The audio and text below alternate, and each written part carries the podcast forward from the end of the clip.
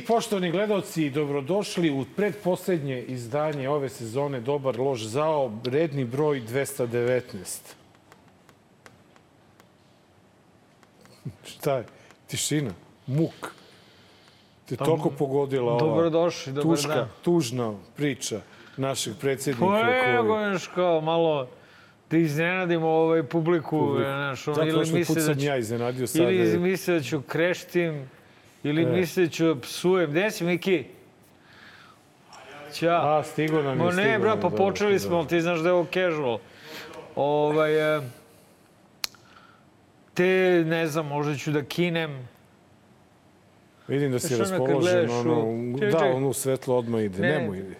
Ajde, Čekaj, elem, ne ide. čekajući da, da. Marko, da Marko kine, a, ovaj, A, I svaka tako, ideja. znaš, svaki put Da ne je... trošimo bez veze vreme, da idemo mi odmah na prvu temu. Kako bez veze jebate, šta ti je? Ovaj, ovaj prvi deo je najbolji deo emisije.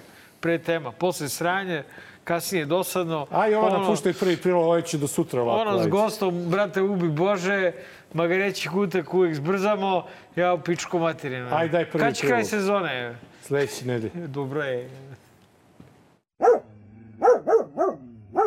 Ovo nije skandalozno. Ovo je zastrašujuća odluka jedne države. Ovo je nešto nečuveno i neverovatno da se dešava nakon drugog svetskog rata. Predsjednik, predsjednik, vla, predsjednik države je štićena osoba. Ona, dakle, i to je isto tako zahtjeva angažman, angažman hrvatskih vlasti.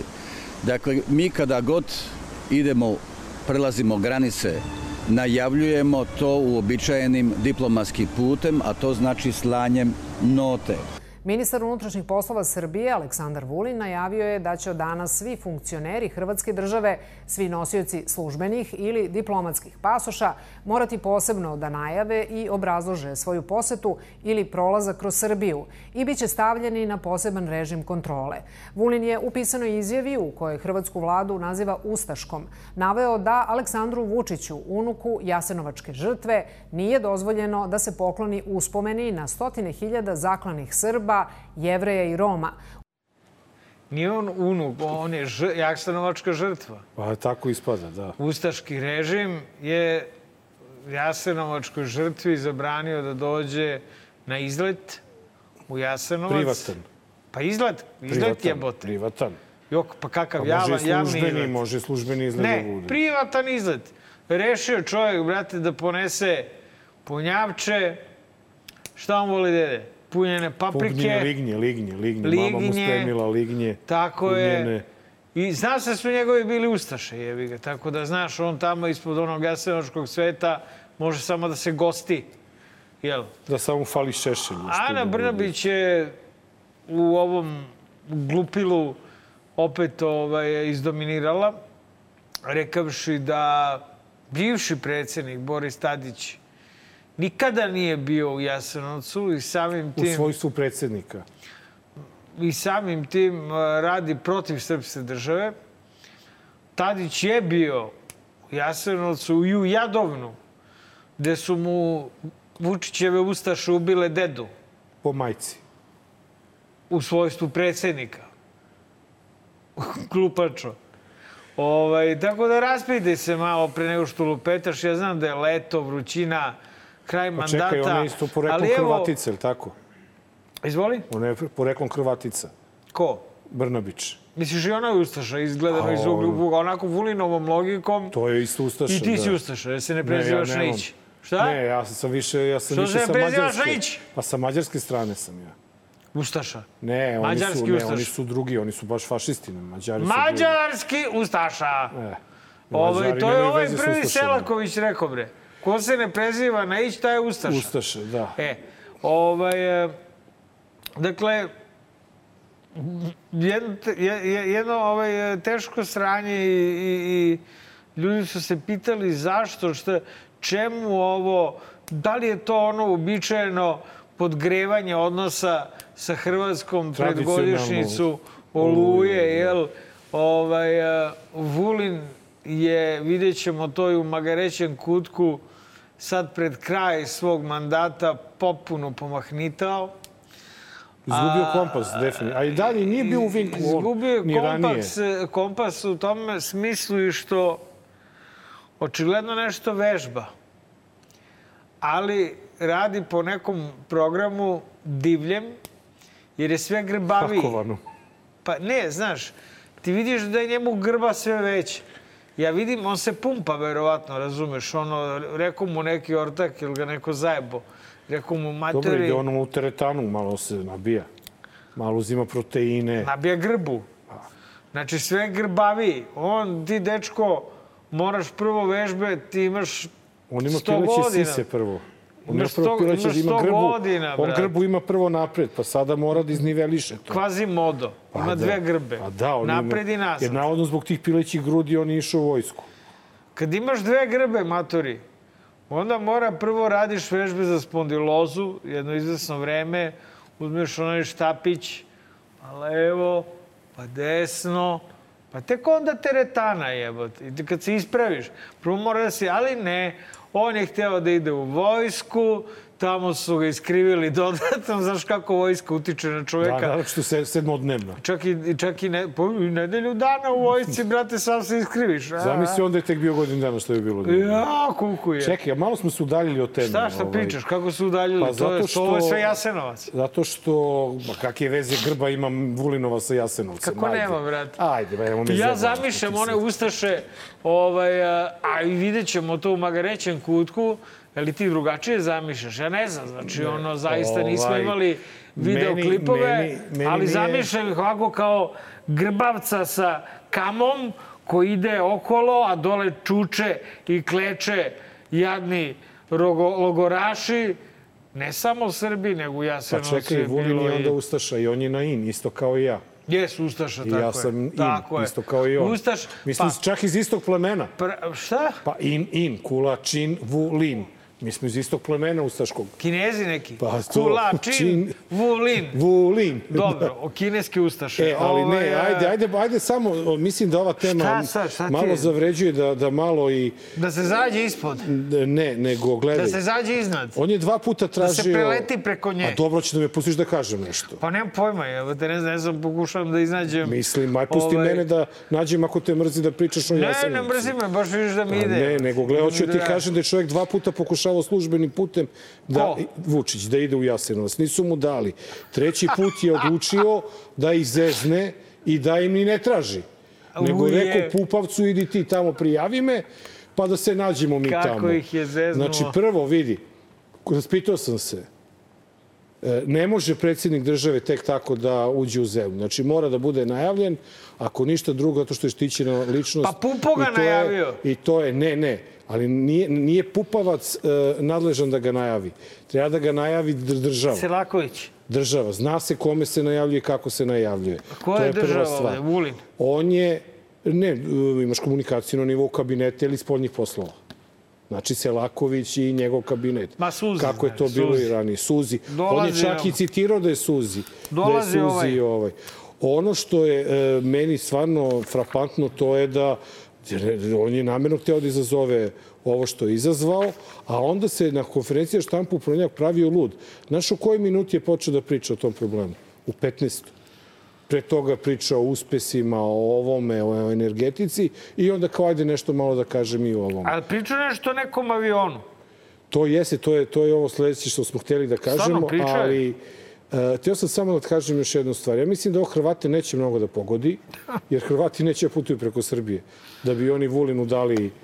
Jer Vulin samo što je ukinuo tu meru za Crnogorce, on mora nekome da, da ukine. I ovo što je Vučić uradio, mislim da je samo mobilisao hrvatske nacionaliste pred njihovu oluju, da će tek tu da sada bude totalni udar na ono nešto življa što je ostalo tamo da živi, tako da da ovo mi se ništa ne sviđa i Šta sad pričaš, dolazimo do ko je toga. bre ostao tamo da živi?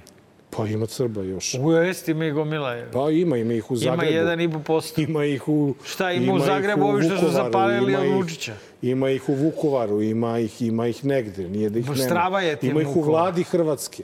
Ima jedan. Ima jedan, pa dobro, ima, ima ih više u To ti vladi je onaj Kosova. je i- poslednji hr- Srbin u Da. Hrvatskoj. To je Milorad. Pupovac. Je. Da, film. Ko taj film? I, to ti je to ko ima Srba u Plašim se Hrvatskoj. da će uvek da nadrljaju ti ljudi zbog te naše politike. Ma da, I ono što je ti meni je, najzanimljivije, što to niko novo? živ nije komentarisao to što se desilo sa tim famoznim avionom, a čak su se treće, treće pozicije oglasili za, za Jasenovac, Darija Kisić-Tepavčević, uh, ona Sandra Božić, pa čak i Krhobabić se probudio iz, iz zimskog sna i on se javio. Šemšelj. Da, da, to vidio si kako, kako se u glavi nećemo i to. Šešelja su počeli da donose. A u stvari, Oni da, ne bude ga a više. U stvari, problem je u tome što ovaj, nešto je valjalo zataškati, a ono što je valjalo zataškati je ovo što će sada da vidimo.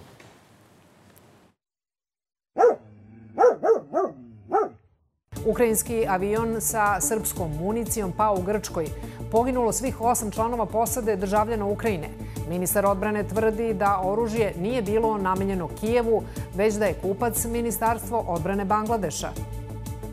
Ukrajinska firma je samo vlasnik aviona i prevozio oko 11,5 tona proizvoda naše namenske industrije. Vlasnik robe je bila privatna kompanija Valir iz Srbije. Nikakve druge veze ta roba sa Ukrajinom nema, niti ide u Ukrajinu i Srbije. Kupac je bilo Ministarstvo odbrane Bangladeša kao potpuno dozvoljeni end user.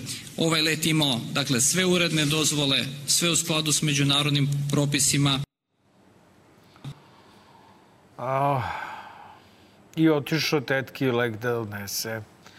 I pao.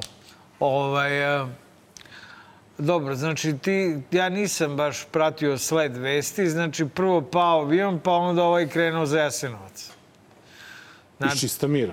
Dobro, nije iz čista mira, pao avion. Ne, ne, kaj ti, kao, kao iz čista mira se setio Jasenovac. Pao avion i oni su i ujutru sedeli i bili su fazonu, jao, jebote, toliko se trudimo da pokažemo da smo proruski nastrojeni. Ovi avioni što lete sedam puta dnevno iz Srbije s gomilom municije i naoružanja od onoga, kako zove, Tešića. Ovaj, a, da nema baš puno da se sruši jebote. Sad nam je, šta će sad narod reći? Ajde, mi šta mi brzo po Ustašama. Aj mi po Ustašama, narod glup jebi ga, odmah će da se zalepi za Ustaše, a ovo, zaista ja mogu samo da kažem neki večna slava ukrajinskoj posadi koja je izgubila svoj živo, svoje živote tako što su naivno krenuli iz Niša, brate, u Nišu neki Rusi koliko ja znam. Neki Rusi koji služe za gašenje požara, možda služe i za pravljenje požara. Jesi čuo šta se desilo sa tim Rusima koji služe za gašenje požara? Šta? Napili Da, se. da nisu hteli da idu svoje vremeno gase neki požar dok im se nije, dok nije legla kinta na račun. Pa dobro. Normalno, Korektno bratsko, pos... Pa čekaj, šta bratsko ponašanje. Će vas vodimo u sokače. E, Mislim, e ti je to veruješ da su tu bile samo školske mine? Da, apsolutno verujem. Da, to i školske veruješ da su mine Grci bili obavešteni o tome? i da su išli za Bangladeš. I to to, to isto, tek da. verujem. Znači, u sred rata e, Rusije i Ukrajine, u kojem je s jedne strane čujemo da ruska vojska napada sa četiri strane, s druge strane čujemo da Ukrajina kreće u protiv napad zahvaljujući ovim Marsovima, ali kako se Kako zovu? se zovu ovi? Ovi američki, ovi... Su ovi... američki ili britanski sistem? Čiji? američka Američki čudovišta, sistem, neka dobro. Marsovi. Ovaj, svi kreću u kontranapad i sad u sred opšteg rata ukrajinski avion se puni školskim minama u Srbiji i osam ukrajinskih članova posade ide za Jordan, odakle treba da nastavi do end usera, što bi rekao gospodin Stefanović, u Bangladešu, da im isporuči srpske školske mine. Pa mora da vežbaju Brate, Bangladežanci. Sve u toj priči je problematično. Zašto lepo ne kažemo? Ej, bila vest u aprilu i Putin zna da izvozimo oružje i municiju u Rusiju, pa se ne buni. Ček, za- za Rusiju, Za Ukrajinu. za Ukrajinu. Ovaj, e, dakle, zna se. Zašto ne kažu ljudi ovo, ovo je samo, eto, ovaj, jedan od aviona, mi smo se uključili, ja sam obećao Marfiju, ja sam obećao Marfiju, Dobro, što bi leteli preko Grčke? a mi smo, brate, zašto? Zato što ideš do Jordana, onda samo preko Crnog mora, pljasu u Odesu. Šta? Pa zar ti nije bliže Odesa odavde direktno presečeš? Brate, mora to malo se sakrije jebote i da se kaže idemo za Bangladeš i onda otišao za Bangladeš, a on A preko Crnog ne vidi mora niko. isključio. Šta? A ovi ne vidi niko to. Znaš ti ko je sve u Crnom moru? Ko hoćeš. Pa to ti kaže. Jedino nema ruske flote, pošto su potopili neke da brodove, bude. ali ovaj, a, a, Znači, ti se slažeš da je priča potpuno šuplja. Brate, priča treba bude iskrena, treba kažemo, mi smo, jer Murphy rekao, mi se zajebali, zajebali smo se u prošloj epizodi, mi se deramo, ali nismo- znaš sankcije, što, sankcije. Raz, razmišljao sam to što nismo se mi zeznuli. Nego ko se zazna? Mi- Murphy je to rekao. Šta? On je sam rekao da mi je Vučić obećao za Šta? sankcije. Ne. Murphy je to rekao. Nije to rekao. Jeste, Murphy je to Nije rekao. to rekao. Čitao sam original tekst njegov. Murphy je rekao da mu je Vučić rekao to za sankcije. Rekao mu je da ćemo biti na strani slobodarskog sveta. Ne, ne, ne kažem ti ja šta je Vučić rekao, nego ti kažem da je Marfi u svom blogu napisao da se to odnosi na sankcije. More mislilo se na trgovinu Ali on oružja. je verovatno On mu rekao, nije slušaj, da napiše trgovina oružja, nego isporučite ovo. Ukrajini, brate, ovo vaše što vi ima. Ne, ne, ne, mine. ne kokain, ne kokain, Vučiću. Školske mine. To im isporučite i, ovaj, i dobri smo. Ne, nećemo vas puno ovaj, jebati. Možda malo za Sputnik i Russia Today, ali eto može Da, nam se. eto, koji Russia Today dolazi u Srbiju. Ma jest, dolazi. Jebate, u, ovaj, e, u svakom slučaju, a, ja pozdravljam a, naše odnose sa ukrajinskom vojskom.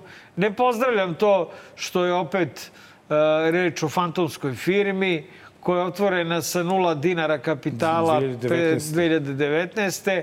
Namlatila za te tri godine 55 miliona evra profita. Znači, Leda, ja ti brate, kažem, počeo sam da razmišljam o tom pravcu kad se promeni vlast, da krenemo Da uđeš ja. u to? Da uđemo zajedno kao DLZ. u trgovinu školskim minama. Minama, da, brate. Samo Ove- da malo provere, provereniju aviokompaniju koja se ne ruši. Dakle, nije mi to sad nešto. Da išu ruski avion da nosi nešto Rusima, više bi se uzbudio. Ovo ovako, žao mi je ljudi. Zbog Rusa misliš da laže? A? Zbog Rusa laže.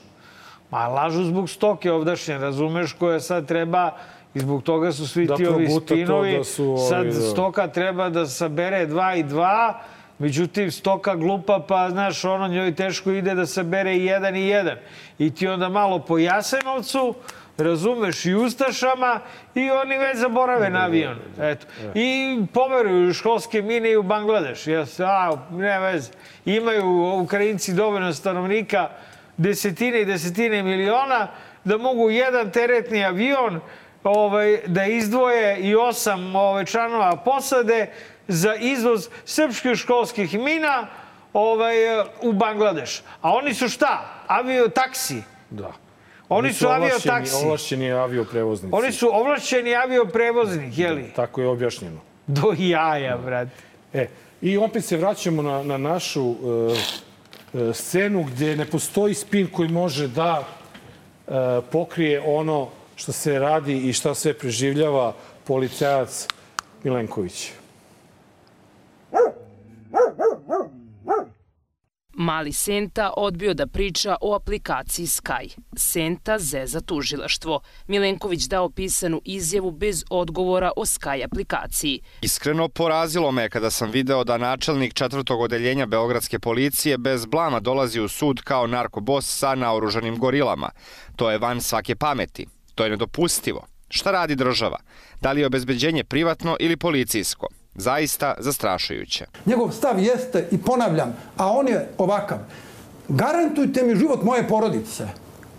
I ajmo zajedno da razotkrijemo i bavimo se kriminalom naših državnih funkcionera. To su ljudi koji imaju, mladi ljudi, koji imaju mlade porodice. Oni su došli da štite svog šefa. I sad pogledajte tu situaciju. Oni dolaze, njih desetak je došlo, naoružano, u državnu instituciju da štite šefa načelnika borbe protiv droge od koga? Od države. Tomanović je sve lepo rekao. Ekipa iz četvrtog odeljenja stvarno izgleda impozantno, profesionalno. Ovaj, e, ovaj mali Senta, ko bi rekao da će posle velikog Sente onda postane neka vrsta nacionalnog heroja. A utvrdili smo da je njegov život u opasnosti, to je jasno. I utvrdili smo da je jedini lek da se to reši legalizacija vutre. Dakle, a ne, ali znaš šta, njima Deja ne da. Oni bi verovatno već hteli. Vidiš da prodaju sada na kvarno preko zla šteka, prodaju kao teglice sa industrijskom konopljom, razumeš? Pito ja našeg druga Hanibala Kovača, on se odmah zaleteo, mislio legalna vutra, brate, se naduva čovjek legalno. Zaleteo se do kioska, kupio soma dinara gram, če košta ko skank, na primer. I A šta je skank? Pa to ti je ozbiljna vutra, to ti je Jovanjica. To ti je ono... je taj sa jakim To je THC 18%, THC, da. razumeš? Ono, uuu, znaš, ono, da ti bude baš do jaja. E, otišao, brate, naš drug Hannibal do kioska, kupio, za, zavrteo, E, a, a ja kažem šta bi kaže Zavuški. čekaj, Kaže, ja vuče, da ništa. E, koliko se to što se nalazi na našim kiosima, e, koliko se razlikuje od onoga što sam ti ja donosio ono iz Praga ili tako dalje, one čokoladice Ne, to je- koje postoje u, u, u radnjama koje to prodaju To normalno. je isto sranje, brate, Znači, to drugo nije, pakovanje. to Ma, je- to je sranje, bre, To, mislim, znači... U Češkoj nije dozvoljena legalizovana isto marihuana. Pa, za- da, i- Znači, to je, nije to da je to, to prava, je za, prava. To je za naivne, ovaj, da, ali možda je i neki signal da, Da krenemo u... znaš, ono kao kad ti se prodaje teglica s ovim, valjda će prek Čekaj, sutra... ima više od grama u toj teglici. Ma otko znam, piše gram 1000 dinara, čito sam u novinama. Ne pričaš, ne znam, Ovaj- ja to ono... Mislim, ne razumem se stvarno. E, ele, ovaj, ja se odavno ne razumem, ali sad kad je zamirisalo će možda postane legalno, raspitao Što da sam ne, se, da, da. što me briga, Da, da. brate, razumeš?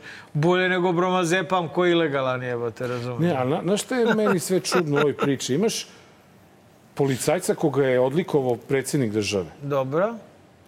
I ne bi on dobio taj, to odlikovanje ili je zaslužio ili je deo njihove priče. Nema treći, kad Da. je Vučić u pitanju. Ajde uzmemo da je zaslužio. Da krenemo jednom od te pretpostavke. Mislim, odakle ti ono, obraz da napadaš takvog čoveka? Jel vam je toliko poremetio te poslove Da. sa tom Jovanjicom, brate?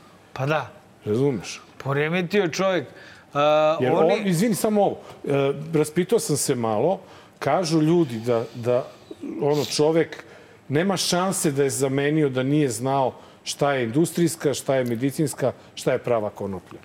Čovek je načelnik odeljenja, valjda Načelnik zna. četvrtog odeljenja. Valjda zna. Ma ne samo to, on zna i šta je čist holandski kokain prva ruka. Znaš, znači to Pa odeljenje se verovatno bavi... zato traži i zaštitu porodice. To odeljenje se bavi i mnogo ozbiljnijom stvari nego što je travuljina. Ma da. Razumeš?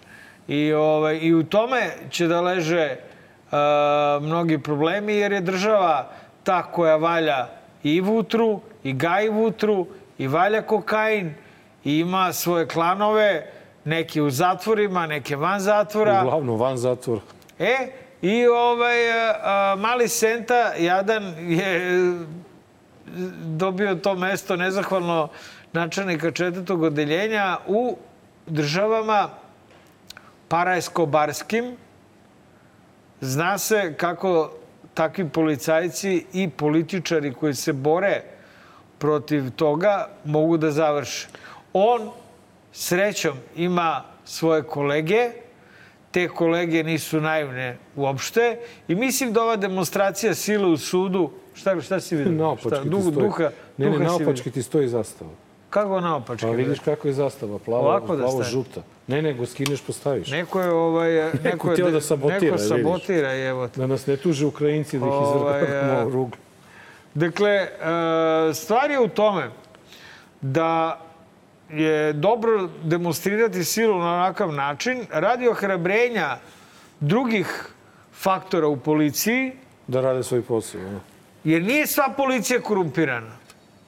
Evo, ja sam razgovarao s dva inspektora zbog neke budale, a, zbog jednog funkcionera SNS-a i Dunav osiguranja koji mi preti povremeno, posredno, a, ozbiljan mentol i, ovaj, a, i znači trebalo je da ga opomene i radna grupa za zaštitu novinara, ali trebalo i policija da odara. I sa tim policajcima kad sam pričao, ti vidiš da ima zaista normalna policija koja potpuno razume ovaj, šta je funkcioner SNS-a koji ima uh, slab, uh, umanjenu, umanjenu uračunljivost i dozvolu za pištolj i pretiti. Da. Razumeš? Uh, dakle, ne treba svu policiju ovaj, tretirati kao policiju iz Kraljeva koja je presrela uh, pozorišnu trupu posle probe i konfiskovala jednu tabletu bromazepama, to su govna, Ne treba svu policiju tretirati kao policiju koja je radila za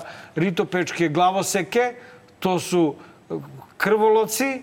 Ne treba svu policiju tretirati kao policiju koja je pomagala, čuvala, obrađivala i zalivala Jovanjicu. Ne treba svu policiju, a vidiš ima dosta te policije, tretirati kao policiju koja pomaže prilikom uvoza kokaina i rasturanja dalje ovaj, u zemlji. Ima očigledno i normalne policije. I tu policiju treba podržati, a kad krene Đuka Bizon ovako da šizi, imajući u vidu ko su njegove mušterije, onda znači da bez ikakve sumnje u ovoj situaciji treba navijeti za malog sentu.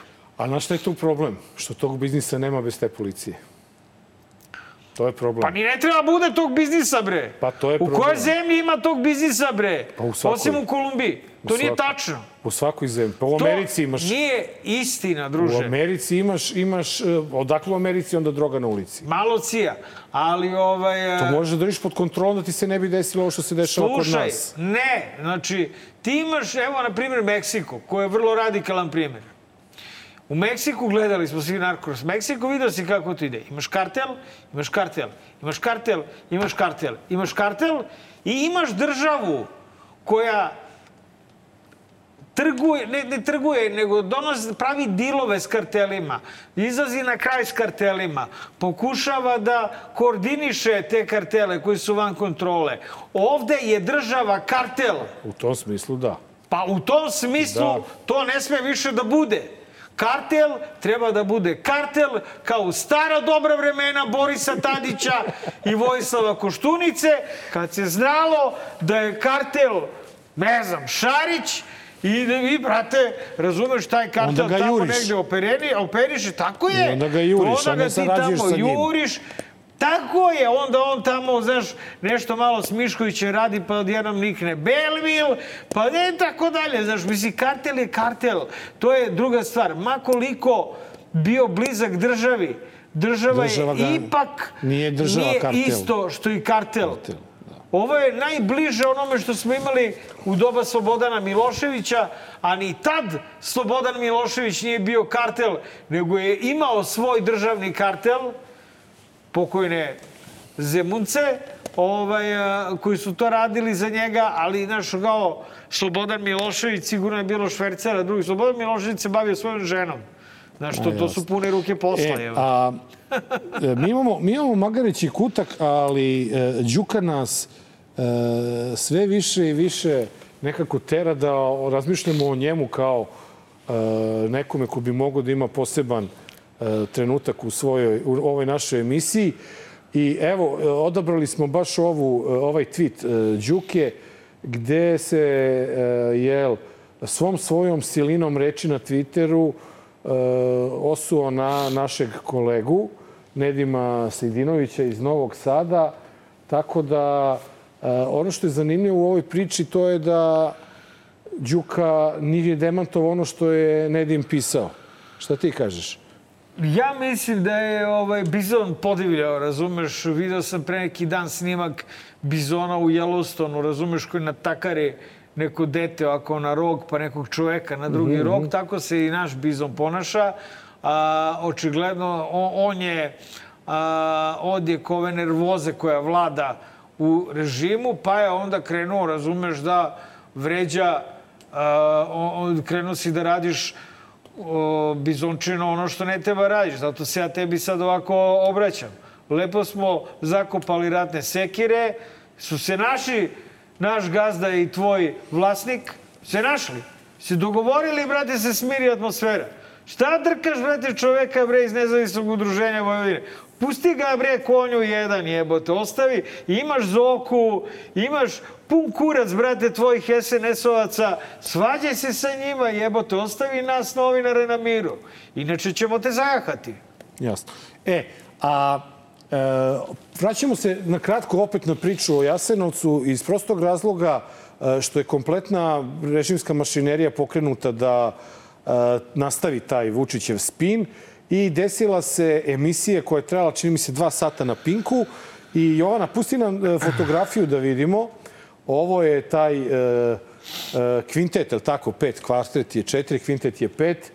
Ovo se zove konzilium. Konzilium, e, neke prepoznajete, ovo je DJV, ovo je Bokan, ali nije iznivelisan sa stolicom, kao što primećujete. Bokan je nešto mnogo niži. Čovjek u sredini je no, novinar Bilbija, koji je rekao sreća naša pa je Pink Slobodan mediji. Gospodina Krstića znate i naravno ovo nije onaj, e, kako se zove onaj američki e, večiti predsjednički kandidat kod demokrata, e, koji onaj stari koji tako isto pa ume da zaspi. Šećerovski? Znaš ono što su stavljali po kao ono i nas su pakovali sa njim, on kao spava, Milan smrzu Panić, se. da. Ne, nije, brate, Amerikanac, ne znam. Onaj. E, tako i Šešelj. Njega samo Gde vode iz emisije u emisiju gde čovek samo spava. Pa Vučiću, ako će ovake ljudi da te brane, menja i malo ekipu čoveku je prošao vek trajanja, ali zato se iz zimskog sna probudio jedan gospodin Amare. Izvini, samo, brate, neka budala mi piše Pa poruke. postavi telefon kad radimo emisiju, A, ajde e, bre, nauči brate, se. je. preposlenje, boli me kurac. Preposlenje, jedna kobiletina Vidi bre ko je, neke- gledaj ko je na TV-u bre, ko je... Ja! Pa gledaj ga bre. Ulepša mi dan, ulepša Pa mi. vidi Samo bre ovu koštunicu. kurac. Šta je meni simpatično u kojoj slici? To Simpatično što mi je- izgleda, brate, mlađi nego ikad. Ikada, ali ako ćete pogledati malo bolje Ima na njegovoj, ribe, šta? na njegovoj desnoj ruci, e, e, e, na desnom prstu, domalom stoji burma. Ne, ja vidim dve ribe, Da, brate. da, ali doveo. ima burmu, znači čovek je On doneo, on, vremenu je doveo, ponovo on je doveo dve ribe, bre. On se oženio Pa, ponovo. ima još burmu. I ja, ja ću da citiram ovde našeg drugara i advokata Nemanju, koji je rekao dajte da zamolimo Kuštunicu da se ponovo kandiduje da pobedi. Očigledno bi mogao da pobedi Vučić i 44. Kuštunice. 44. godište, znači on ima 78 godina kao Trump. Izgleda kao da ima 58 Ko- godina. mnogo lakše, mlađe znači, njega, da. vidi se da tu savesti nikada nije bilo, jer tako izgledaju samo ljudi bez savesti. Da. Ljudi koji imaju određenu dozu savesti, oni izgledaju onako, znaš, kao bota. Bore se, bore se i onda samo odjednom propadnu. Da, Izvini. Boto, jesi lep i to i dalje, ali... Dobro, i njega brate. godine malo stižu, nije ni Pa on da, mlad, kako, brate. kako Koštunjavog ne stižu, brate. Koštunjav izgleda mlađi od Borisa Tadiša, je E, lepše. on- on sada stigli, kada bi- da. Stigli smo u trenutak u istoriji Da. u kome Koštunica izgleda bolje. izgleda bolje od Borisa Tadića. I zato dve ribe, brate, na, Da. na književno veče Milovana Danilića u Danilića, da. Ljigu. 85. rođendan, slavilo se kokain holandski prve Najbolja ruke. roka iz prve Še, ruke. Ne znam se gde, brate, E, da, da ali popadaju ne, tamo. stvarno, stvarno si u pravu, mnogo dobro izgleda čovek. Baš izgleda ono... Izgleda ko bombon. Ovo je najlepši deo emisije. Emisije, e. O, ovo je najlepši deo sezone. Ja da ti kažem, ova slika što smo vidjeli. Aj, ko će prije? Aj ti je no, novu, obično novu prvo puštamo. Aj, no, pužo, e, tako. Dakle, ovde imamo, ne mogu ja da vidim, brate, daleko mi. U dogovoru koga se Siniša Mali zaobišao Zoranom i Pa nemojte se me sad dvoje, vas dvoje svađati. Zbog Rusije i Kosova Vučić pravi predstavu od odlaska u Jasenovac. Aha, vidiš, ovo je druga tema. Onda Željko Mitrović izlazi iz pećine, onda televizija Russia Today koja je zabranjena u EU stiže u Srbiju, Alcatraz miljenici uprave kluba i policije i tu ja imam nekoliko dovih prijatelja.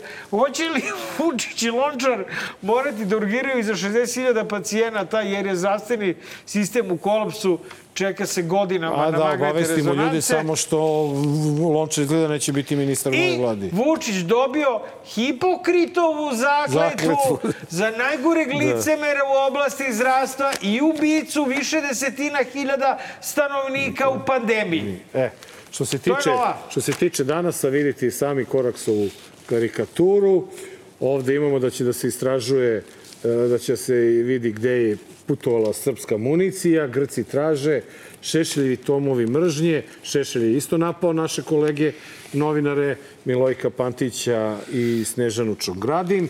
E, Eto, kao što vidite i danas, dve jedine slobodne novine na srpskim kioscima. Snežana dobila knjigu od Vojislava. Šešelja. I Milojko Pantić Ve- isto. A čekaj, Obojice, oboje, obojice, oboje. U istu knjigu? Ne, ne, svako je dobio posebno. A, dobro. Svako je dobio posebnu. Mi idemo na kratak džingl i vraćamo se u emisiju. Dobar. Loš. Zao. Kulač je popizao jer sam ga opsovao van kamera, jebi ga, morat ću i pred kamerama, jedi govna. Ove, e, I e, obično će izaći iz emisije. Ajde, izađu, brate, pričam s gostom.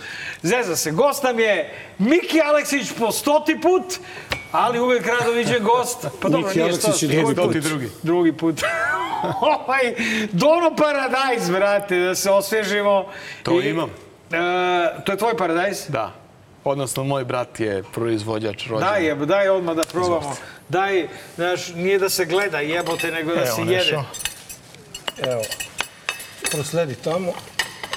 Čekaj. Evo, tebi. To. E, kakva je samo situacija u poljoprivredi kad je... Ajde, ne, ne tipična tema za DLZ. Nikad o poljoprivredi nismo pričali. Da, nažalost, e, za vas je netipično, ali je netipično i za državu. Što bi rekli moji kolege poljoprivrednici, moji seljaci dole, srednje žalosna. Dakle, nikada nije da bilo gore. Nikada nije bilo gore u poljoprivredi. Prosto je žalosno da država Srbija, ljudi koji upravljaju danas Srbijom, u zadnjih deset godina su dozvolili da do te mere se devastira srpska poljoprivreda i srpski seljak, da je pitanje šta ćemo imati u narednih 5 do 10 godina, a što uopšte bude opstalo od poljoprivredne Dobro, proizvodnje. ajde- dakle, ajde da- potpuno jedna tragedija, da- nebriga. I samo jednu stvar da vam kažem, mislim, kad me to ljudi pitaju kakvo je stanje u poljoprivredi, pa evo ovako, na nivou Evropske unije države izdvajaju 30% za poljoprivrednu proizvodnju i proizvodnju hrane. U Srbiji se izdvaja od 3 do 5 u zadnjih 10 godina. I to što se izdvaja kasni godinama, ljudi nemaju nikakvu predvidivost svoje proizvodnje, imamo situaciju da nam se sela gase, poljoprivreda izumiri. To sada, kada će biti strašna kriza u svetu, Kada treba da po bude pitanju naš... hrane. I mi možemo da ostvarimo prihod, profit kao država, da poljoprivredne gazdinstva iskoriste tu situaciju tražnje za hranom visokih cena.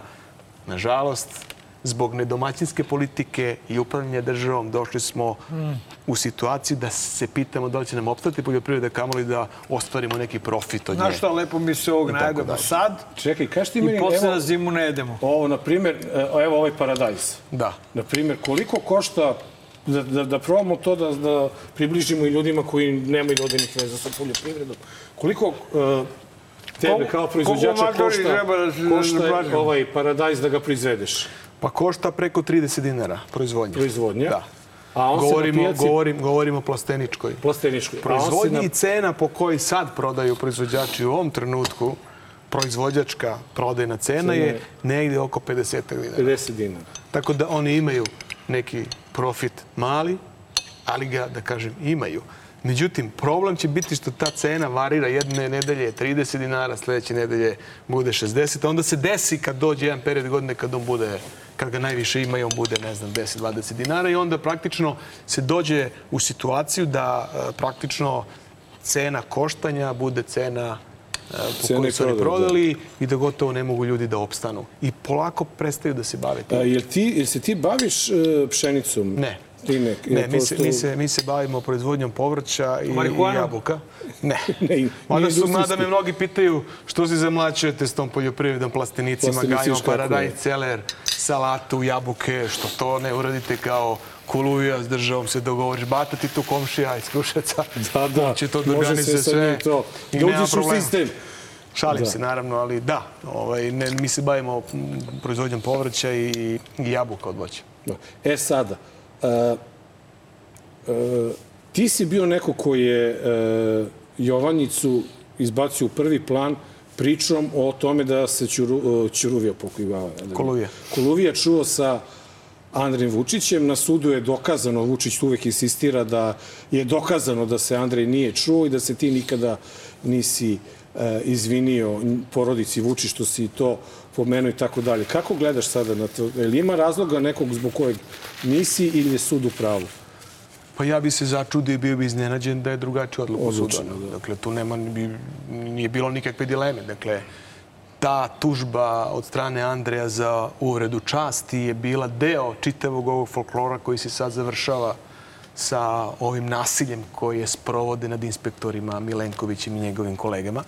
Dakle, ta tužba je ekspresno procesuirana, sud je odbacio sve dokaze koje smo ja i moj advokat Borović predložili, sve svedoke koji bi išli u moju korist. Prosto je jedan montirani proces gde je tužilaštvo, tužilaštvo poslužilo da bude servis SNS-a i političkih moćnika u ovoj državi, da bi mogli da mašu s tim i da kažu pa evo, Aleksić osuđen, on je lažov, Jovanjica se nije ni desilo, nije tu bilo nikakve droge, brat nije tu ništa, ja nisam i tako dalje. Dakle, ovaj, istina o Jovanjici se još uvek nije saznala. Istina o Jovanjici se saznati kad bude krenula Jovanjica 3.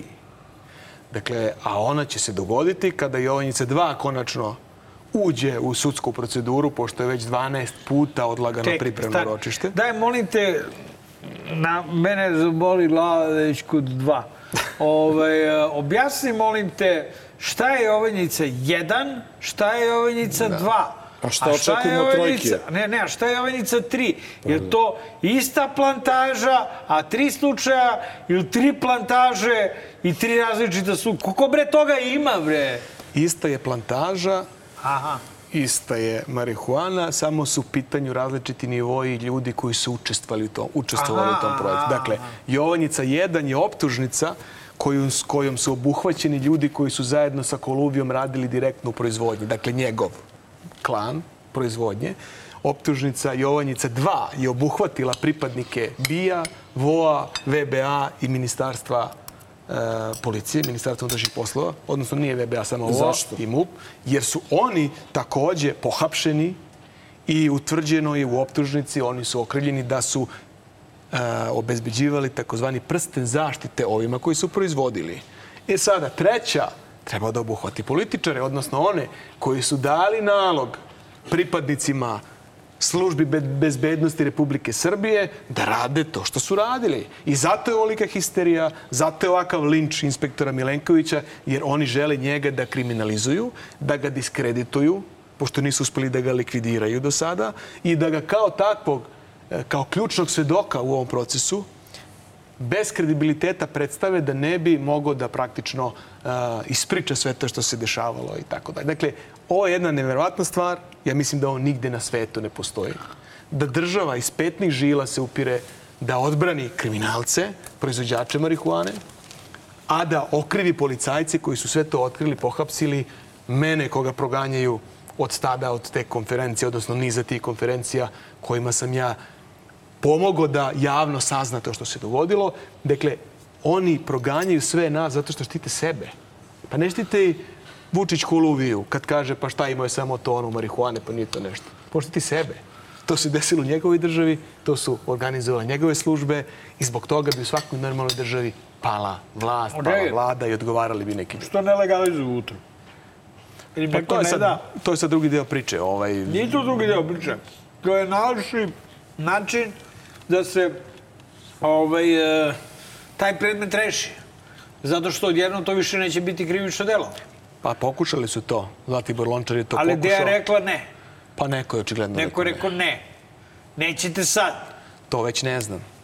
I bila bi tragedija da gomile, bila bi tragedija da gomile unesrećenih porodica gde su ljudi robijali za 1 gram, 2 grama joint ili 2, Bo nemoj me zabavati, to treba da jednom stane. Jebote. plate strašnu cenu, a da se sada legalizuje zakon dok je Pa u i toku oni bi proces. izašli... Ajmo da završimo Miki, ovo sa- oni bi izašli iz zatvora svi. Ma mnogi nemaju gde ni da izađu. Mislim, to su nesrećene kuće i porodice, ali a nemoj da to radimo sad zbog Koluvije i ove Treba ekipe. tona da... Sad zbog Koluvije, nego kažu dobra je prilika. Da. E, Da li, da li misliš da je ovo prisustvo Sente u javnosti i ta poruka da ima, da Malo, ima leđa i, Sente. i ovo što ima advokata koji se ne libi da mnogo toga kaže. Ovo vidimo da je iznao podatak da su mu nudili i novac da e, zataška sve i tako dalje. Da li je to e, njegova odbrana od, e, od ovog, e, od, od nekih tamnih misli vlasti upućene ka njemu? Apsolutno. Dakle, on je pokazao zaista jednu hrabrost, uprostavio se državi. Oni su vjerojatno mislili da će ga slomiti lakše.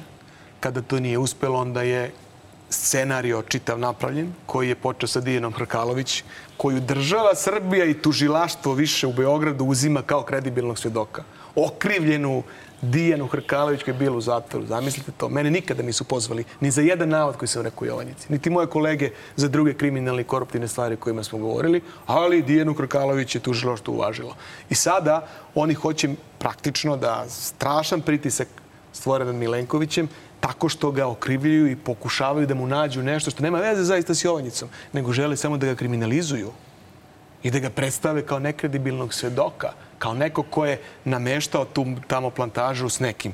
Pošto vidim da Đuka nešto je nervozan strašno ovih dana, pa proziva i mene, kaže i ti ćeš biti uhapšen.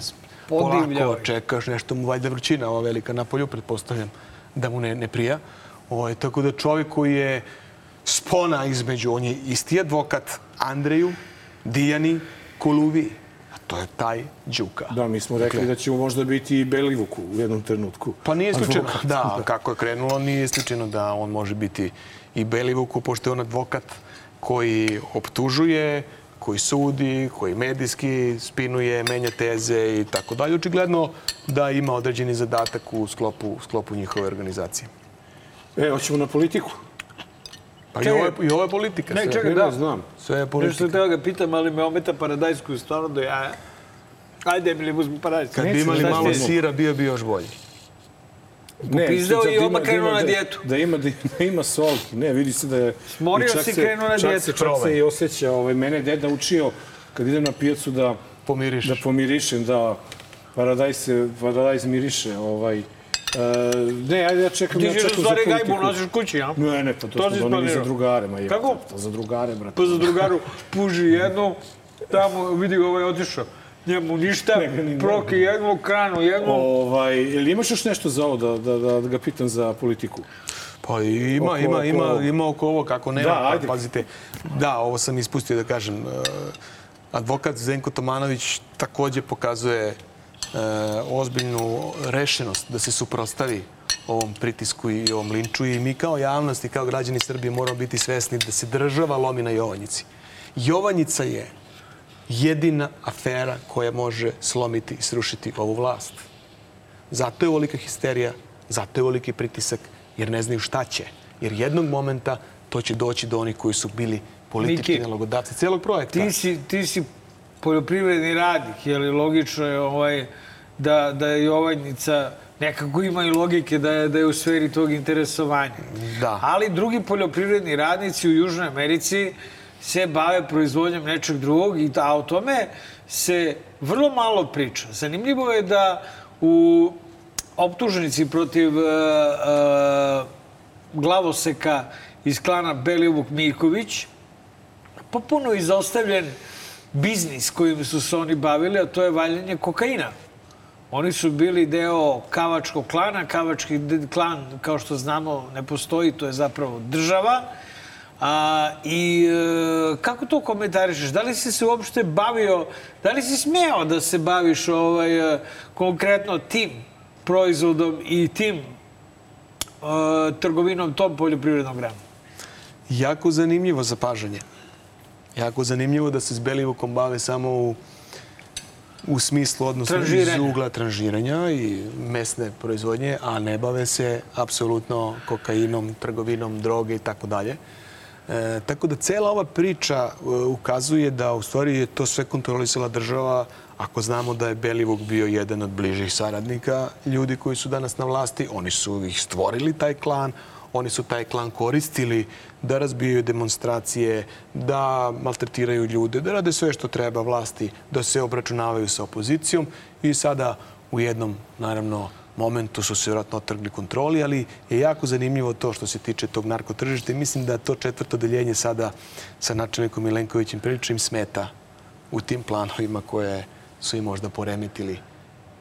Deluje čudno, deluje neverovatno, ali sve ukazuje na to što gledamo zadnjih nekoliko godina. Gledajući Željka Mitrovića i Vulina, vidi se da to teče, brate, u vodopadima.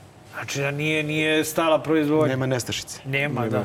E, e, početkom nedelje, u stvari u ponedjeljak su završeni razgovori sa predsjednikom Srbije oko formiranja zakonske jel, te... Rekao čovjek ima većinu. Ima većinu, da.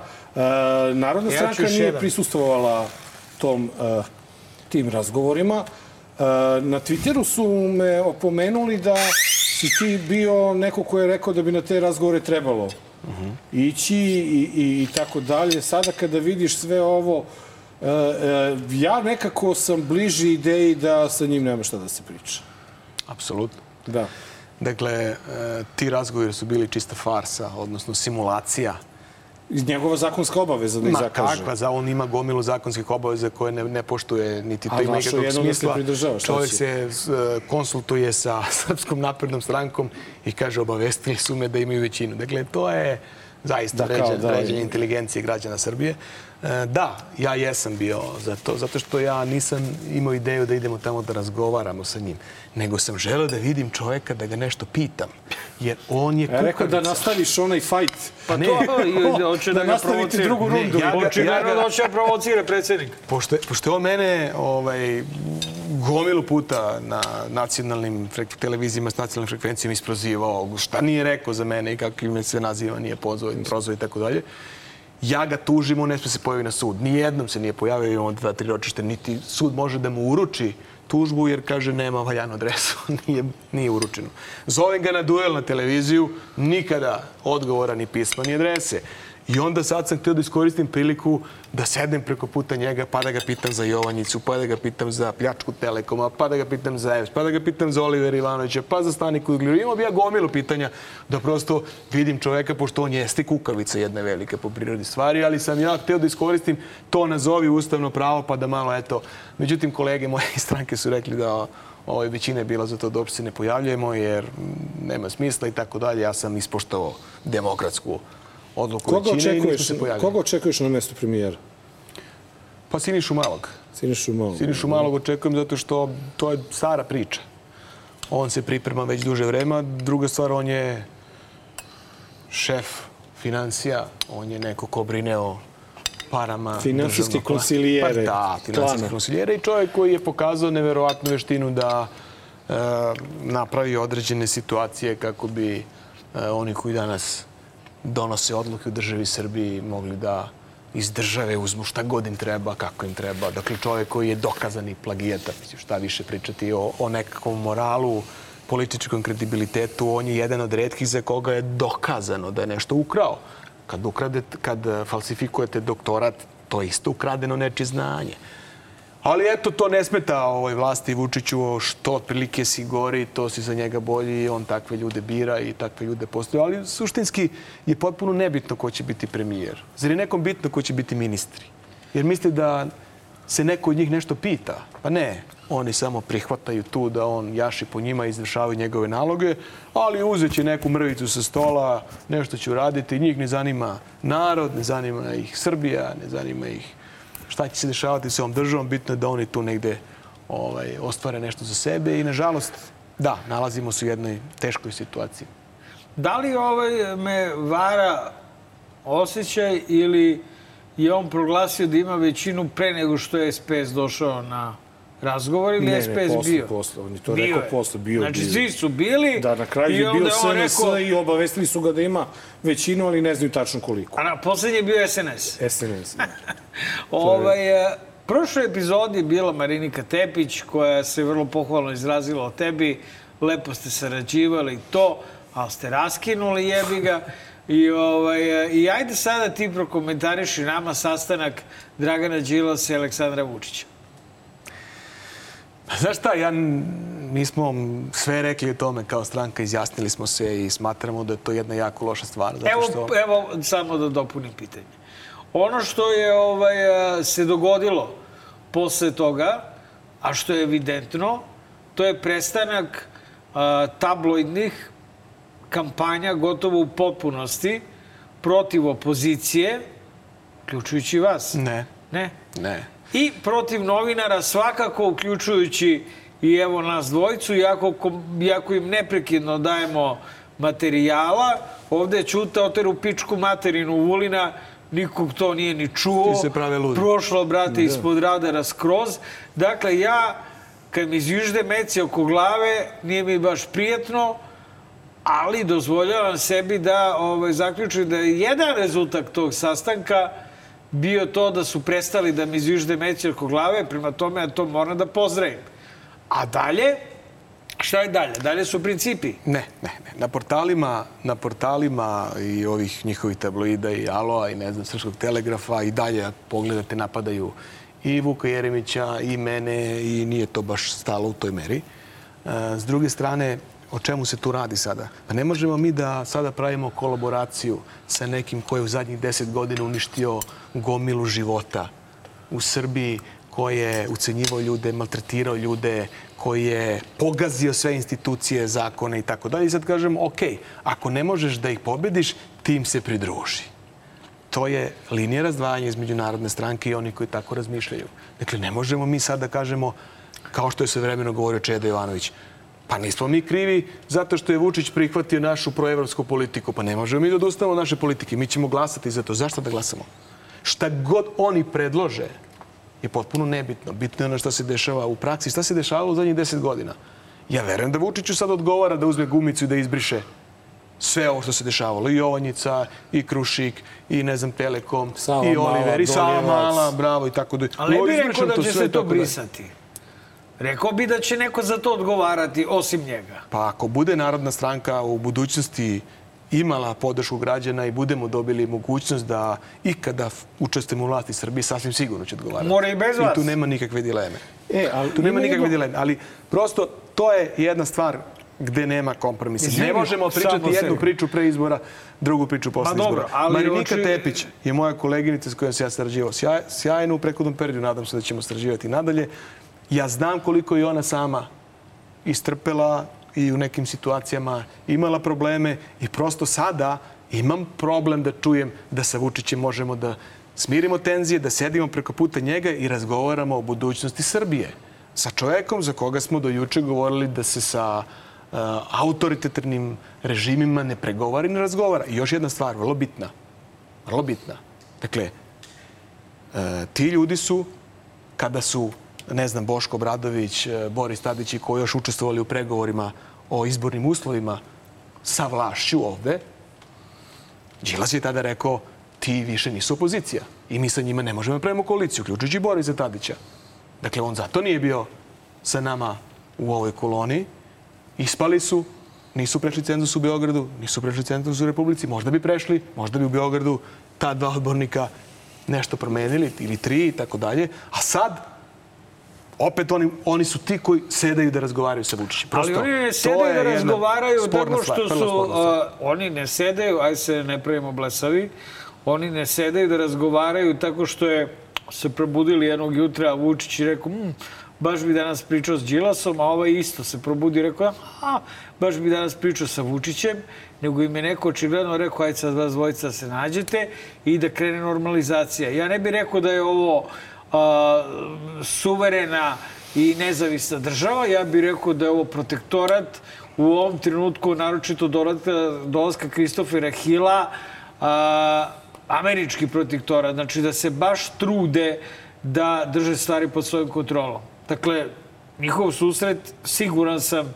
je rezultat uh, američkog posredovanja. Kako ti na to gledaš? Dakle, dozvoli mi da imam potpuno drugačije mišljenje. Dakle, ja apsolutno ne verujem Misliš, u to. probudili su se i... Pa da su se probudili, da su ne znam šta, kako god, ali, Olegli, pa ali to, on je, to je vrlo zgodna priča za javnost.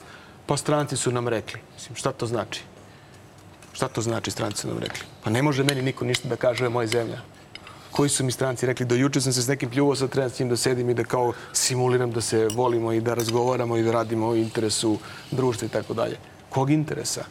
Nema ovoj Srbiji i ovom narodu boljitka dok je na čelu ova vlast kojom upravlja Aleksandar Vučić. Ako za deset godina to nismo naučili i videli, onda zaista imamo neki ozbiljan problem ili neki imaju nekakve druge interese. Dakle, ja, ne brate, verujem, nego je stvar- ja ne verujem u tu teoriju da je neko došao sad, uhvatio iz uvo i rekao, ej, ajde sad da se Stvar je pomirite. samo u tome to što je apsolutno Vučić ne, ne, ne, pretvorio ne ovu zemlju u, so, u svog taoca, u kome o, zapravo je on taj koji se za sve pita. Eto, to je či... Pa da, ali kako ćete onda vi, kad pogledamo ostatak opozicije, celu opoziciju, i SS, od SSP-a do vas, eto, ovaj, kako ćete vi da... A, a, kako dođete do birača, kako ćete da razbijete a, a, tu čaroliju koju je on napravio u ovoj zemlji u kojoj mi živimo. Mislim, bez, bez uticaja s polja. To, budemo realni. To, to jeste to jeste ozbiljno pitanje. Zapravo on je napravio takav sistem da e, ima dovoljno resursa da s jedne strane može da hipnotiše građane Srbije putem medija s nacionalnim frekvencijama koje potpuno kontrolišu. S druge strane, kroz pritiske, ucene i tako dalje, da ljude primorava da moraju da slede njih. I sada, što se tiče opozicije, ja mislim da građani Srbije, oni koji pocenjuju svest građana Srbije, koji misle da su oni glupi, grdno se varaju. Možda neki put to deluje tako da građani Srbije lako ih je prevariti, imaju kratku pamet, pa ajde sad ćemo pričati jedno, sutra drugo. O svima nama govore naša dela. O svima nama iz opozicije. Kao i o ovima iz vlasti. U budućnosti svako će dobiti po zasluzi od građana Srbije. Možemo mi da pričamo šta god hoćete. I ja kod vas sada i ovi drugi kolege koji dolaze da jedni i drugima pričamo jedno, drugi drugo. O svima nama govore naša dela. Samo dela ostaju građani Srbije će u jednom momentu da to cene. Da cene doslednost, da cene dela i da cene one ljude koji su spremni da stanu ispred njih, oni da im daju poverenje zato što su se dokazali da mogu, možda im se veruje. Plašim se samo da će E to sad, malo da traje. Neće, to, to tako deluje. Verujte mi. Srpski narod je jako čudan. U momentu se to desi da eksplodira nešto i da to krene kao lavina. Mi ćemo imati jesena strašnu ekonomsku krizu. Sve ove priče i bajke o Srbiji kao ekonomskom tigru će se raspršiti u vazduh. Građani će osetiti to na svom ličnom primjeru. Da, on će je imati idealan odgovor. Pa on je, Opravdanje, pardon, idealno opravdanje. kad me pitaju po neki, je li ima nešto što misliš da je, da je Vučić uradio uspešno u Srbiji? Pa ja kažem, uspešno je napravio od građana Srbije sirotinju. A da je to predstavio kao neverovatan razvoj, Srbija koja se gradi, Srbija koja ima progresiju, Srbija koja napreduje, Srbija koja ima prijatelju u svetu.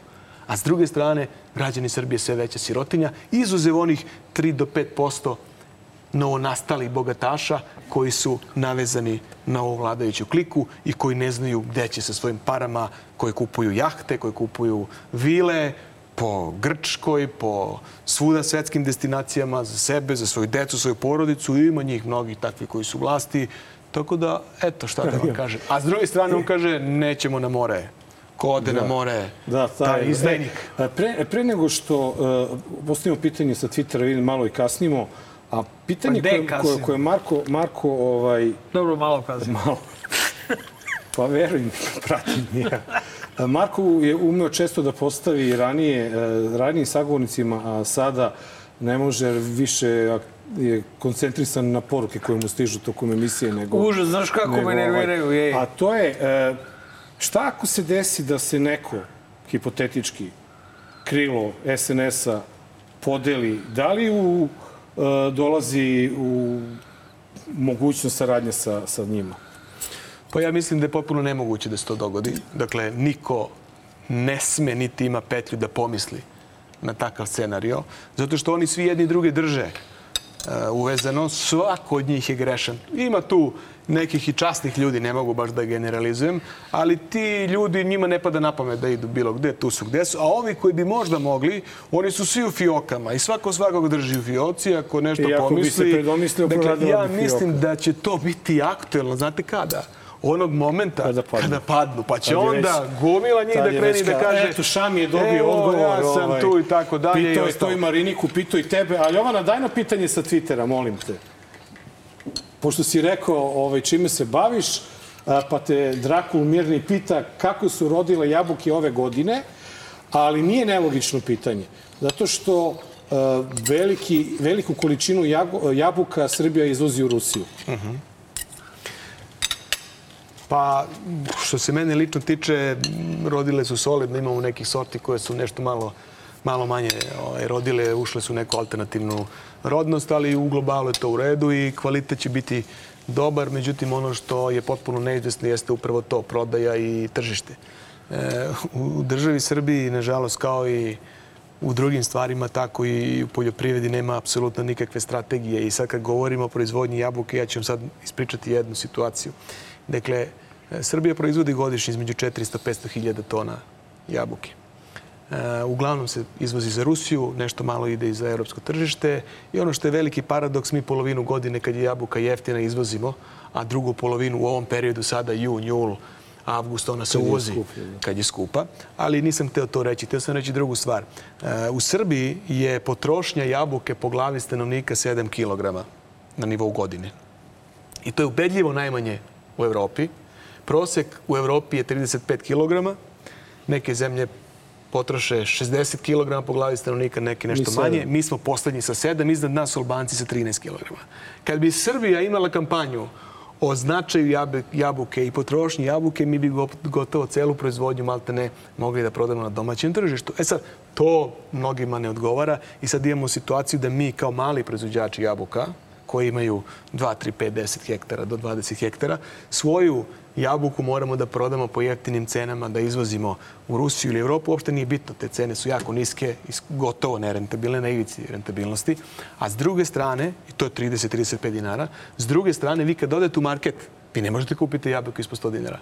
Bilo leti, bilo zimi, ili isto 100, 120 i do 130, zavisi koje sorte. Šta se događa?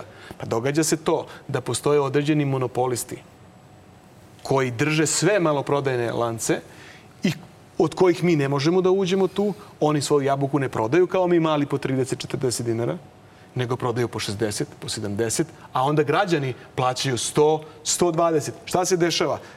Mali poljoprivrednici kojih je najviše u Srbiji propadaju, građani plaćaju skupo hranu, a najviše profitiraju i zarađuju oni koji su veliki monopolisti, kojima država dozvoljava, zato što nemamo ministarstvo trgovine koje bi reklo ili poljoprivrede, radilo, da. e, ajde da vidimo šta je interes ove države, da li da imamo deset koji kontrolišu sve ili da imamo na hiljade ljudi koji opstaju, samim tim opstaje selo i tako dalje. Dakle, jabuka je da odgovori na pitanje e, solidno rodila, kvalitet će biti dobar, ali je prodaja ove godine potpuno neizvesna, pogotovo ako uzmemo u obzir cene do sadašnjeg voća, dakle višnje su bile bagatela 20, 30, 40 dinara. Evo šljiva sada koja se bere, čačanska lepotica je od 25 do 30 dinara. Dakle, sve je jeftino izuze maline, čak i kupina 100-150 dinara pala. Jedino malina je imala cenu, to je sad neka druga priča na svetskom tržištu, ali sve ostalo je dosta loše. Ništa, ajmo na kutak pa se vraćamo. Poštovani gledalci, 219. izdanje Dobar loš zao. Evo da probamo i mi, ovo, da probaju ova desna strana Mikijev e, Ajde, Paradajz. jebote, uzmi čoveče, je. Magareći kutak. Evo ja ću I treći. e, primetili ste da ovo je bukvalno, ja mislim, treća epizoda u kojoj e, nemamo mnogo Vučića u prilozima, jer i mi nama je malo ovaj, više preko svega da, da, ga, da ga rabimo, jer ovaj, tu više nema mnogo smisla, ali sve u stvari Vučić. Međutim, em, evo, bio je pre nekog, nekoliko dana, bio je na Pinku i naravno opet je držao predavanje. A svi mi se učinilo kao da je bio pred komisijom, popravnom komisijom da polaže ispit iz koga je pao. Ja ću sad, ako mi dozvolite, da ljudima pokušam da objasnim, jer ljudi neretko ne prave razliku između gasa i nafte.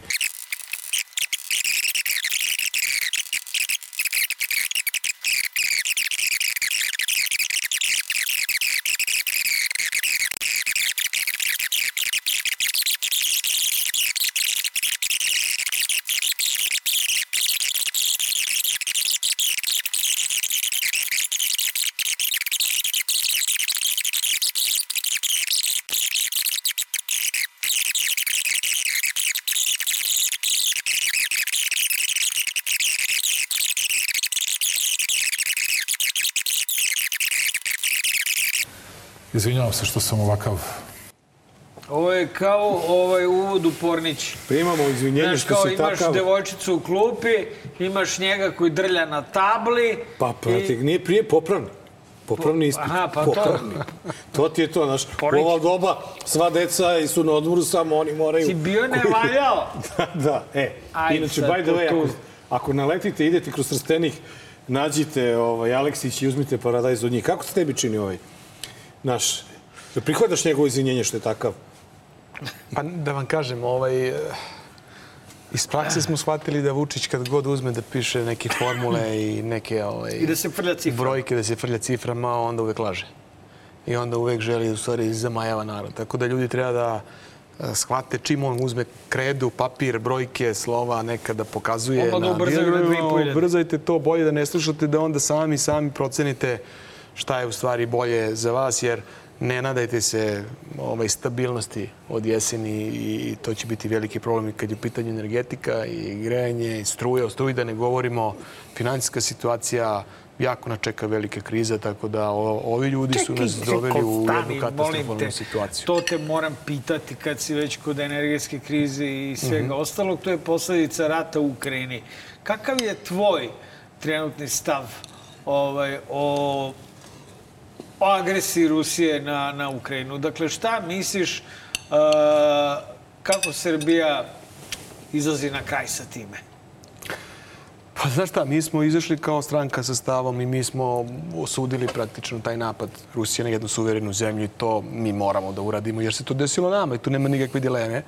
Sa druge strane, ovaj, eh, Srbija, je- moje je mišljenje da Srbija tu treba da gleda negdje više svoj interes i da procenjuje šta je u datom trenutku za nas bolje, da ne vodimo mi tuđe ratove. Meni se čini da taj pritisak oko uvođenja sankcija od strane Srbije prema Rusiji počinje da slabi pre svega zbog toga što određene članice Europske unije već između sebe počinju zbog nadolazeće zime, energenata i raznih drugih stvari, počinju se svađaju i sad oni imaju neke veće tamo svoje unutrašnje, unutrašnje probleme. Dakle, e, evidentna je jedna stvar da ako bi uveli sankcije, izgubili bi mnogo po pitanju e, energenta, pre svega mislim na gas, po pitanju poljoprivrednih proizvoda koje izvozimo tamo, a mnogo ih izvozimo tamo. Neki kažu to nije bitno, pa to je bitno za opstanak Srbije i opstanak, opstanak srpskog sela. A vidiš, ovaj se snalazi već za naftu. Da. Ne, pos- ne postoji e, e, isti identičan primer. Različite su okolnosti. Neke zemlje mogu nešto, neki mogu, neki ne mogu Ali druga dalje. stvar, privreda ne može na naftu, mora Mi na što gas. se gasa tiče, mi smo tu potpuno, Potpuno ovaj, usmereni, Rusa, potpuno da. zavisni. I sad na kraju, ono što sam čuo, potpisan je taj neki ugovor za gaz, zato on sada kaže da će biti gasa. Taj ugovor su potpisali za, za 2 milijarde kubika gasa, za jednu milijardu će kupiti na tržištu, ali zaista ta cena jako niska, 250-270 dolara za 1000 kubika, ne znam tačno. I to negdje daje, daje neku finansijsku, finansijsku sigurnost. E sad, iskreno da budem, ja sam verovao da Srbija tu e, može da odigra jednu mudru ulogu, ali da bude na neki način most Srbije je trebala da se ponudi odmah da bude mesto za pregovore između Ukrajine i Ponudili i smo se, Rusije. pa kasno, evo, kasno, kasno. jebate Jugović je pričao ovde na prednjak o tome pre kad, kad je bio? Pre dva, tri meseca. Ali kasno, Marko. To je, to je bio, bio jedan moment. Kad Ali koji smo mi bre faktor? Znači, problem je u tome što se pritisak sa zapada vrši ogroman. I ja šta više nisam čak ni siguran, a ovaj, evo i ti razmisli o tome, da dilema da li će doći do sankcija Rusiji uopšte jeste prava dilema. Meni se sve više čini da Vučić spinuje sa time, znajući vrlo dobro da sad već uveliko sedi na jednoj stolici američkoj, jer je njegov mnogo veći problem organizovani kriminal. I da svo vreme koje gubuje, a da se nama čini da se to dešava zbog Rusije i tralala, da se u stvari čini zbog organizovanog kriminala, te da zapravo je... Ovo, evo, imamo materijalni dokaz, a to je ukrajinski avion koji je nosio školske mine za Bangladeš.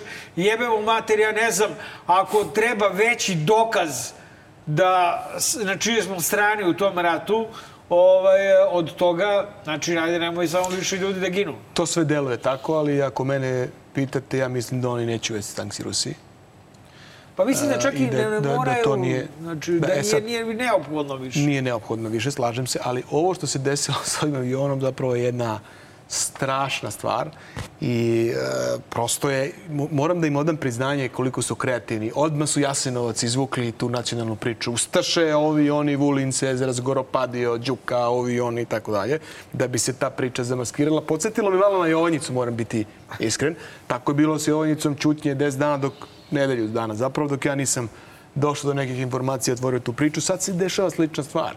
I sad će se ispostaviti, evo mi smo se kao stranka oglasili sinoć i danas da nisu samo školske mine. Bilo je nešto iz školskih mina o kojima je govorio ministar Stefanović, ali je bilo i mnogo drugih Stvari stvari, koje su koje potrebne za školske. rad, koje nisu tri- školske tri i lokacija gde su trebali da školske lete avioni. i I, vrlo jedna sporna priča, pa ćemo vidjeti. Ja očekujem u narednim danima da se ta tema otvori. Prilog koji ćemo ja, ja sad... mislim da će. Da vidjet ćemo. Prilog koji ćemo sada videti je verovatno nešto najmonstruoznije što smo mogli e, da, da ikada očekujemo Nemoj da ćemo tako. da vidimo na, na malim ekranima Ne. i to naročito od Vulina. Srbija je organizovana i humana zemlja, ali u Srbiji se poštuje zakon. Nijedna krijumčarska banda neće proći da ne bude otkrivena, da ne bude razbijena, a da njihovi pripadnici ne budu kažnjeni u skladu sa zakonom. U Srbiji niko ne može da nosi oružje, u Srbiji niko ne može da trguje ljudima, Srbija neće dozvoliti da njena teritorija bude mesto gde će se okupljati različiti banditi i ološ iz čitave Azije. Srbija nije parking za migrante. Srbija neće dozvoliti da se naš način života na bilo koji način ugrozi e, zahvaljujući kriminalcima koji trguju ljudskom mukom i ljudskom bedom. Srbija je organizovana i humana zemlja. Srbija je organizovana i humana zemlja. Srbija je organizovana i humana zemlja. Ne, ovo je namjerno ovako namontirano da, da se Šicer. pokaže kako je Srbija organizovana i humana zemlja. Fali samo da je počeo da ih izvodi IT napolje. Pa meni Ti ovo- izađi. Strašno je Ti podsjetilo na onu scenu onih momaka bošnjaka što su streljani. Pa to su te je- scene. to je to, to je Samo to, da. falilo to srećom. Vulin nema kapacitet da strelja. A i inače- Vulinu falila ovako samo crvena traka oko ruke, Ja crna mislim, uniforma. ja mislim da je krajnji moment da se neke ustanove pozabave sa ovim čovjekom. Ovo što on radi, kako se on ponaša u policiji, zaista onako budi jednu zemlju, čovjek upravlja bre Miki, ministarstvo kraj mu je policije. mandata.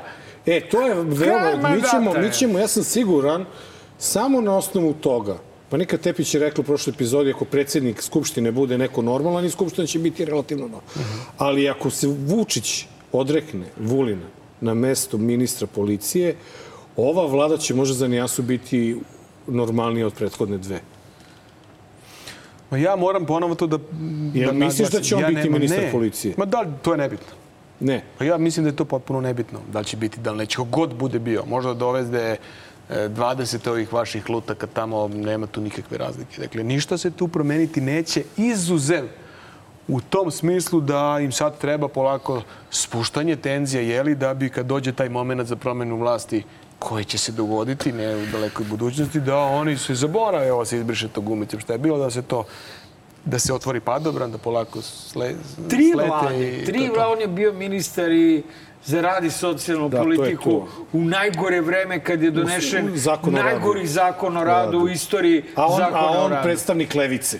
Da, da, da. Kao Lik je katastrofa. e. I onda ministar odbrane, i onda Odbrane, ministar najveća policije. sramota Sad Srbije. jedino skok sa litice. I sad je predložio novi zakon o policiji, ovaj policiji, skandalozni, ovaj, da. gde Da. treba da nas gledaju, snimaju kao u kući velikog brata svakog I građanina pazi, te, te Srbije. izađe Vučić koji kaže nama je prioritet da imamo dobre odnose sa Hrvatskom, a ima ministar policije koji kaže Ustaška vlada Ustaše Andrije Ple, Plenkovića. Pa to potvrđuje Vučićevo licemerstvo. Dakle, oni, go- on govori kroz njih i to je E, Suština, ali inače Vulin je nagrađen za sve ovo, verovatno što je bio dobro se pokazao kod Koluvije na imanju. Ovaj, Da, da, morao je. Pa je umeo on da, da ti on ima plevio, dobar paradajz. paradajz. Ima dobar paradajz. E, a, malo vedrije terme, a, borba za a, nacionalne frekvencije. Gospodine Mitroviću, jel može samo jedno pitanje? A samo za Olivera Ivanovića za spot, da li ste proverili? Sam rekao da ne. Rekao sam vam ne. me udarati, nego znači recite mi samo da li ste proverili ono što ste rekli da ćete proveriti za Oliver Riven. Jedan. Rekao sam vam već malo pred vam neću dati izjavu i ponovo me jurite i rekao sam da ću dati izjavu samo o svojoj televiziji, a svojoj televiziji ću dati izjavu zato što ne želim nijednoj drugoj da pravim gledanost. To sam rekao gore i pravite se ludi. Ali okej. Gospodine Mariću, jel stvarno više neće biti parova? Neće biti ženitbe, udadbe, šta, o čemu pričate? Ne, jel stvarno neće biti reality programa parova? To smo ukinuli. Od čega? Na Pink. Odgovorim, slobodno me odgovorim. A što bežite, nije mi ja. Ne, ne, slušaj, ne interesuju me televizije koje imaju tako malu gledanost. Prema tome neću da se uh, trošim u to. Znači, te televizije koje imaju gledanost manju od 1, manju od 0, nisu meni interesantne. Ja volim da me cela Srbija voli. Eto. I ja sam otišao tamo uh, gde mi cela Srbija kliče. A vi idite s ovim vašim. E, vidjet će Marić koliko ga Srbija voli kada ovaj režim ode u penziju, čini Što bi mi se se. reklo, ko visoko leti, nisko pada. Šta ceniš da će se desiti? Sa Marićem. Ne, sa, sa nacionalnim frekvencijama. Ajde, Pa znaš šta, neku... ovaj, ja bih voleo da e, televizija Nova ili N1 dobiju nacionalnu frekvenciju. Volio bih to zbog Srbije, da građani mogu da čuju nešto, da vide, da se informišu. Ali prosto teško mi to da zamislim, moram priznati, da u ovom društvu. E sad, ukoliko oni žele da jeli, spuste tenzije i da pokušaju barem da simuliraju te neke promene. Pa tu ćemo vidjeti da li su se dogodi. I na kraju krajeva, znate šta, ja verujem da su ove televizije i N1 i NOS e, dali na konkursu e, veoma važne argumente zašto oni treba da dobiju odnosu na ove druge kojima treba oduzeti. Jer ovde je suština u tome što ovi te, ove televizije Happy i televizije Pink njima ne treba se dozvoli više da, da, da konkurišu za nacionalnu frekvenciju za zbog onoga što radi, što krše zakon o medijima, krše sve odredbe i tako dalje. Prosto, oni bi trebali po meni biti diskvalifikovani, a da se otvore neki drugi koji mogu da... Ali ne znam, vidim, prosto teško mi je da zamislim. Prisustvujemo e, velikom ratu unutar SNS-a, a poprište je Beograd. E, Svakodnevni napadi Šapića na Vesića i Vesićevi odgovori na Šapića jednostavno ulepšavaju našu e, stvarnost i evo da vidimo šta se desilo u ulici, čini mi se, Kraljice Marije u Beogradu. To što se neko sliko sa lemurom na glavi, što ide, deli knjige, piše pesme, vozi se u prikolici, pa gde, što nisi promenio cev? Da li osjećate odgovornost kao gradonačelnik? Rekao sam tamo sve što sam vi falsifikujete. Kad postoje druge kamere, onda za vas dajem izjavu. Evo, pustite ovo. Vaša televizija falsifikuje, spinuje, Kažite mi zašto je pukla cev uh, u re- rekonstruisanoj ulici i zašto su stanovnici ove ulice danas ceo dan bez vode? Za vašu televiziju ne dajem izjave osim kad nema drugih kamera, pošto falsifikujete, spinujete i izmišljate moje izjave. Zašto je pukla cev u rekonstruisanoj ulici? Ne obraćate se nama kao... Kad vaša televizija ne bude falsifikovala, izmišljala i sekla moje izjave, onda ću se obratiti vama televiziji. Budete prekinuli da falsifikujete moje izjave, da ih sečete i da spinujete, ja ću sa vama početi da komuniciram. Za vašu televiziju koja falsifikuje, laže i izmišlja i spinuje moje izjave, nikada neću dati izjavu. Za vašu televiziju koja falsifikuje... Da li odbijete građanima da kažete? Za vašu televiziju koja falsifikuje, laže i... Shvatit ću ovo da odbijete da građanima odgovorite na, na muke koji ih muče. Hvala.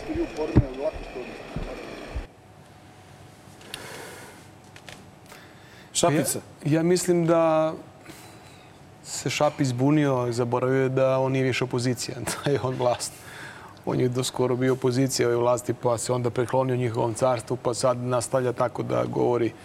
Ovaj, mislim da dobit će određene sankcije zbog ovoga. Misliš? Siguran da, pa na kraj krajeva, ako ništa drugo, možda neki prevremeni izbori ili nešto se dogodi. O, ja Tako da mislim vidjet da, da je ovo dokaz da Vučić nema više autoriteta ni u sobstvenoj stranci kad ne može da, da ih umiri i da ih udostoji da, da rade svoj posao i jedan i drugi. A, hvala ti puno što si bio Hvala i vama na u pozivu. DLZ-u. Puno sreće. Hvala ti, hvala ti na paradajzu. Da, da, ti ćeš biti Nema šef put. poslaničke grupe Narodne stranke. Tako je. E, koliko sam shvatio, imate koliko? 13? 12. 12, 12 Da. narodnih poslanika. Dobro. Imamo 12 poslanika i trudit ćemo se maksimalno da opravdamo poverenje Vi ste građana. najbrojnija opozicijona grupa u parlamentu. Pojedinačno, Pojedinačno, da. da. Pojedinačno. Pojedinačno, Ili da. i- ne? Ne, ne. Milica Zavetnica, ona ima Ne, deset. 13. A 10 ima i Zavetnica. E. E, to ti je Do to. duše, u stvari, izvini, oni su vam bili gosti na gradskom odboru. Tako. Da, da, na, Ali na slavi. dali Izvinjavam se ovaj, za, za Što smo malo tako udarili da. po gostima, jel? Izvinjavam se za Ovaj, komentar. hoćeš ti e, Jovanu da, da odjaviš Jovanu sa Jovanom? Ne, ja ću da odjavim normalno Dobro. ove, jer, jer, jer mi nije bilo dobro posle tog snimka. A, dragi gledalci, ovo bilo preposlednje izdanje a, Dobro loš zao u ovoj sezoni. Sledeće srede na istom mestu gosti Nenad Kulačin i Marko Vidojković. Počnite od ovog trenutka da šaljete na Twitter vaša genijalna pitanja i observacije. A, imat ćemo dobrih pola sata da popričamo sa vama. Prvi deo kako treba, Magareći kutak kako treba i još malo pa gotovo, onda nastavljamo u septembru, osim ako mi se Nešica ne naljuti ga opsujem, ali nije, viš, prođe ga za pet minuta. Važno tebe ne prođe.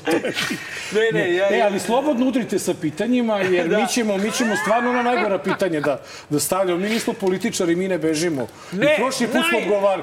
Ono, naj, naj, ono, najodvratnija e, Slobodno, pitanja. nijedno nećemo da preskočimo. Najodvratnija pita, da li Vidojkoviću smrde noge kad nosi papuče na, imam i dalje tu vrstu, ali na jednoj, na drugoj mi je patik. Ovaj, A, a, e, da li Nenad je u gaćama ili u šorcu ili u šorcu, da. pantalonama? I O, tako, ta pitanja neka a, fina. a, a stvarno, evo, laku noć ćemo ovaj pretposlednji put u ovoj sezoni poželiti veselo. E, Vrelo. Vrelo, bilo je u, gorela je Vrnjačka banja, jer je tamo svoj solistički nastup imala e, gospođa zvana Rating. Laku noć za sedam dana i izvući ćemo se.